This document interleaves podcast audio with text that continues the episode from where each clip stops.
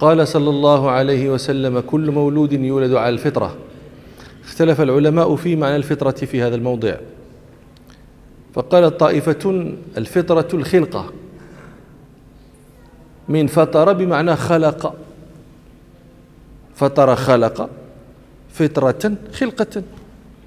قال ربنا سبحانه فاطر السماوات والأرض. أي خالقهما. قال ربنا سبحانه حاكيا كلام الرجل المؤمن من أهل القرية وما لي لا أعبد الذي فطرني وإليه ترجعون. فطرني أي خلقني. قال ربنا سبحانه حاكيا كلام إبراهيم عليه السلام إني وجهت وجهي للذي فطر السماوات والأرض حنيفا. أي خلق السماوات والأرض. فقال هؤلاء على الفطرة أي على الخلقة؟ الخلقة التي خلقهم الله عليها مؤمنين مقرين به آه، معترفين بوجوده. وهؤلاء يشيرون إلى قول ربنا سبحانه وإذ أخذ ربك من بني آدم من ظهورهم ذرياتهم ذريتهم قراءتان وأشهدهم على أنفسهم ألست بربكم؟ قالوا بلى.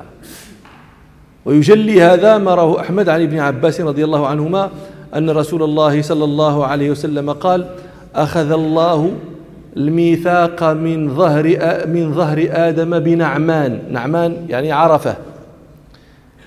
فأخرج من صلبه كل من صلب آدم كل ذرية ذرأها.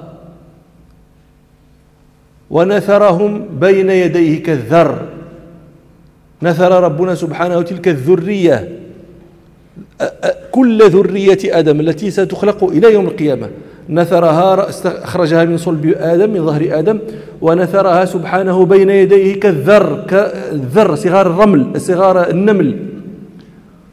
ثم كلمهم قبلا بلا حجاب. قال سبحانه ألست بربكم؟ قالوا بلى. شهدنا أن تقولوا يوم القيامة إنا كنا عن هذا غافلين أو تقولوا إنما أشرك آباؤنا من قبل وكنا ذرية من بعدهم أفتهلكنا بما فعل المبطلون. فقالوا هذه على الفطرة أي على الخلقة الأولى على الخلقة التي خلقهم الله عليها يوم خلقهم على خلقة مقرة بالله مؤمنة به عارفة به. وقالت طائفة وهذا القول الثاني قريب من القول الأول. كل مولد يولد على الفطرة أي على على الدين على الإسلام. وهؤلاء يستدلون بقول ربنا سبحانه فأقم وجهك للدين حنيفا فطرة الله التي فطر الناس عليها لا تبديل لخلق الله ذلك الدين القيم. قالوا الفطرة ها هنا هي الإسلام؟ هي الدين. بدليل أول الآية وآخرها. هذه الفطرة جاء بيانها اعتورها البيان في أول الآية وفي آخرها. فأقيم وجهك للدين حنيفا. فطرة الله التي فطر الناس عليها لا تبديل لخلق الله ذلك الدين القيم. ولذلك ذهب عامة أهل التفسير أن الفطرة في هذه الآية معناها الإسلام. وهؤلاء استدلوا بآخر الحديث.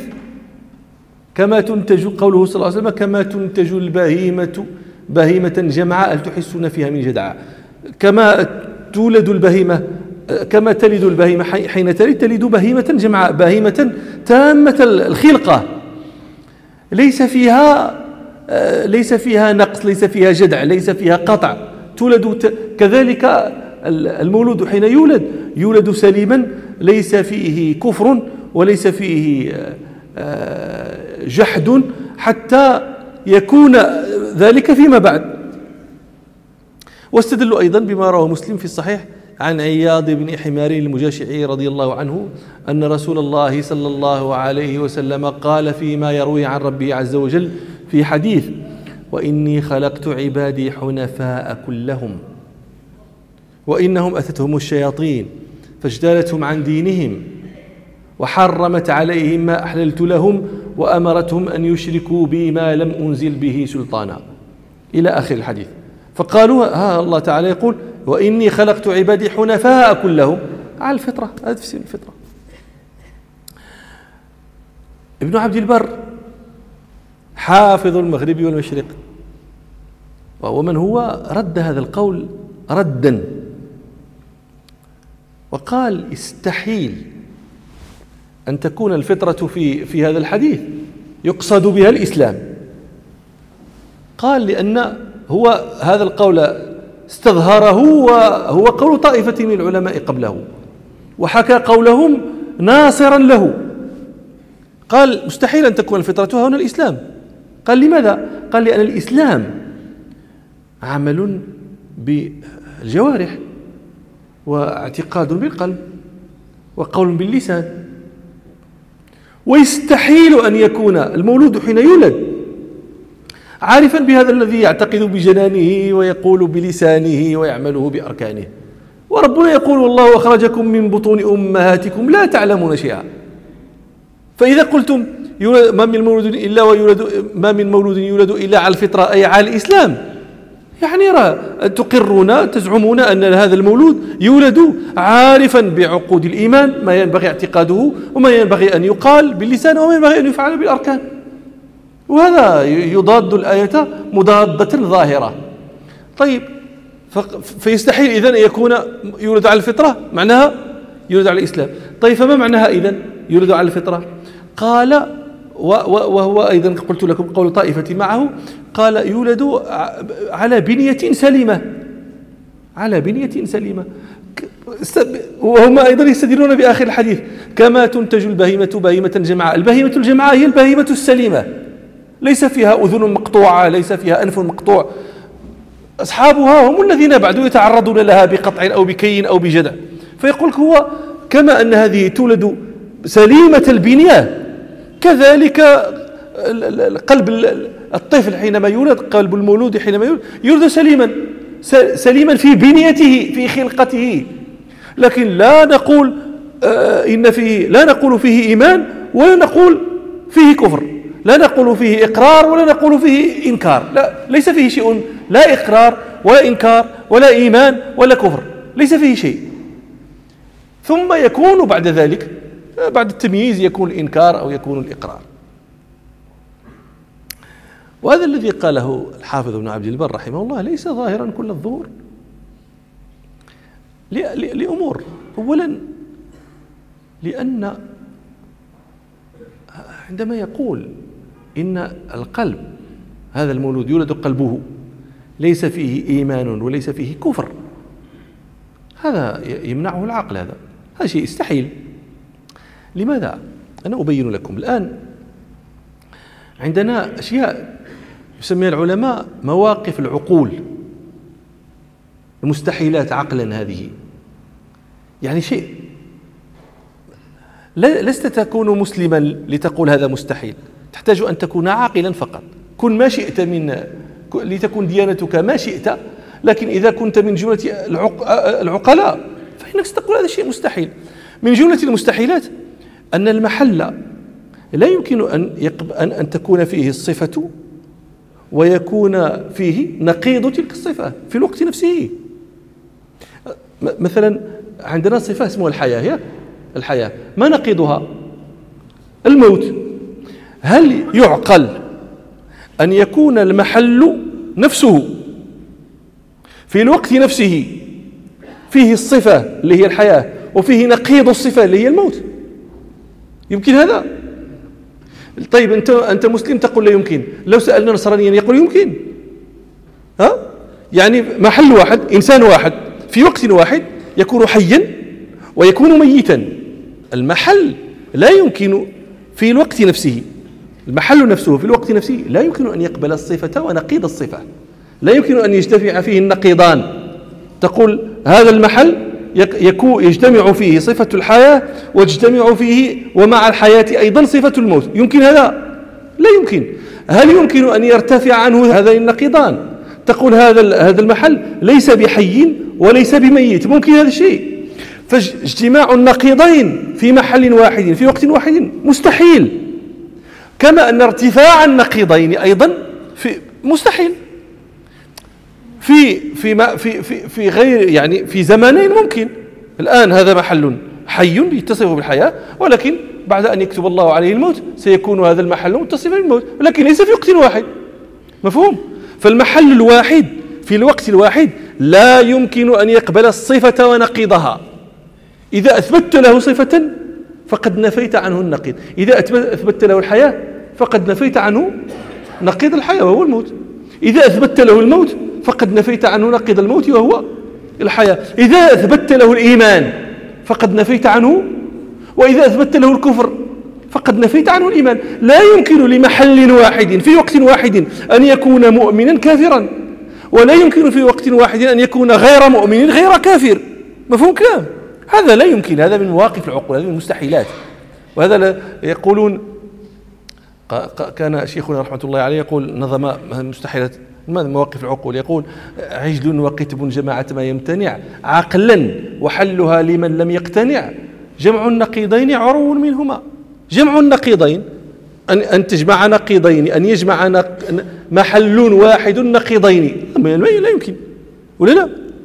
كما أنه لا يمكن أن يعرى المحل عن النقيضين. مفهوم الكلام؟ طيب. كلام ابن عبد البر رحمه الله. يلزم منه اجتماع النقيضين أو, ارتفاع النقيضين. يقول لك هو القلب يولد على الفطرة ليس فيه كفر ولا إيمان. هذا لا يمكن. واش أنتم كلام؟ هذا لا يمكن. ليس فيه كفر ليس فيه إيمان. و... و... هذا لا يمكن. العقل لا يعقل هذا. هذا لا يعقله العقل. لماذا؟ لأن الكفر نقيض الإيمان. إذا نفيت أحدهما لازم منه ثبوت الآخر. فهمتم الكلام؟ فهذا ما يرد على الشيء الأول الذي يرد على كلام الحافظ رحمة الله عليه. الشيء الثاني أنه عندما يقول لا هو لا لا يولد مؤمنا. هذه على الفطرة ليست ليس معنى على الإيمان. كيف وربنا سبحانه يقول إني خلقت عبادي حنفاء كلهم؟ ما معنى حنفاء؟ حنفاء أي مائلين عن كل الملل. الحنف هو الميل. رجل أحنف أي فيه عنده ميل. لماذا سميت هذه الشريعة؟ هذه سميت حنيفية. لماذا؟ لأنها مائلة عن كل الملل. هي ملة النصارى مالت عنها ملة اليهود مالت عنها ملة ملة الصابئة مالت عنها ملة كذا ملة كذا مالت عن كل الملل. لن تجد ملة المسلمين موافقة لملة من الملل قبلها بل مالت عن كل الملل إلى ملة الله. مفهوم؟ فسميت حنيفية الميل. حنفاء خلقت عبادي حنفاء. يعني خلقهم لم يخلقهم على وجه الكفر. لأنهم لو كانوا كفارا لو كان فيهم كفر لم. يعني لو خلقوا على الكفر لم يكونوا حنفاء. مفهوم؟ سيكونون مائلين إلى الكفر إلى ملة من الملل. واش أنتم كلام؟ طيب. وإني خلقت عبادي حنفاء كلهم. كلهم! تدل على أن هذه كلية لا, ثم النبي في الحديث الذي رواه أحمد الذي ذكرت لكم ربنا سبحانه كلم كل ذرية ذرأها أخرجها من صلب آدم. قال ألست بربكم؟ قالوا بلى. أي اعتراف بالإيمان أظهر من هذا. مفهوم؟ ولذلك تفهمون لماذا ذهب عامة السلف والخلف من أهل التفسير إلى قول بأن الفطرة هي الإسلام. كل مولود يولد على الفطرة على الإسلام. لكن ليس على الوجه الذي استشكله ابن عبد البر رحمه الله ومن تبع ومن تبعه. الآن هؤلاء الذين يقولون كل مولود يولد, على الفطرة ويفسرون الفطرة بالإسلام. هم لا يقولون إن المولود عندما يولد يولد وهو عارف بما بعقائد الإيمان وعارف بما يقال باللسان وعارف بما يفعل بالجوارح. لا. هذا لا يمكن. ولو قالوا ذلك لكانوا حمقى مستحيل هذا. يعني المولود الذي خرج الآن من بطن أمه هذا يعلم ما هي آه، أركان الإيمان. ما الذي وهذا أبوه لعله لا يعلم ذلك على الوجه الصحيح. فهمتوا كلام. ثم ربنا سبحانه لا كلام بعد كلامه ومن أصدق من الله حديثا. والله أخرجكم من بطون أمهاتكم لا تعلمون شيئا. لكن هؤلاء الذين يفسرون الفطرة بالإسلام يقولون إنه يولد على خلقة يستطيع بها معرفة الدين إذا بلغ مبلغ من يعرف. يولد على خلقة مهيئة على جبلة قابلة للدين إذا بلغ مبلغ من من من من يعقل ومن يعرف. مفهوم؟ يعني هذا هذا هذا المولود. عندما يولد قد ولد على جبلة مهيئة لقبول الحق على خلقة قابلة للدين مذعنة له. لو ترك ولم يعرض له شيء وبلغ مبلغ من يعقل لوجد نفسه مقبلا على الدين. هذا المعنى. قالوا كما أن ربنا سبحانه يخلقها لهذا المولود. سمعا؟ على صفة قابلة لأن تسمع كل ما يسمع ولا لا؟ فإذا خرج هذا المولود ولم يعرض لهذه الآلة شيء لم يعرض لسمعه شيء يسمع كل ما يسمع لأنه خلق له السمع على صفة قابلة مهيئة لأن يسمع المسموعات. فإذا لم يعرض لها شيء سمع.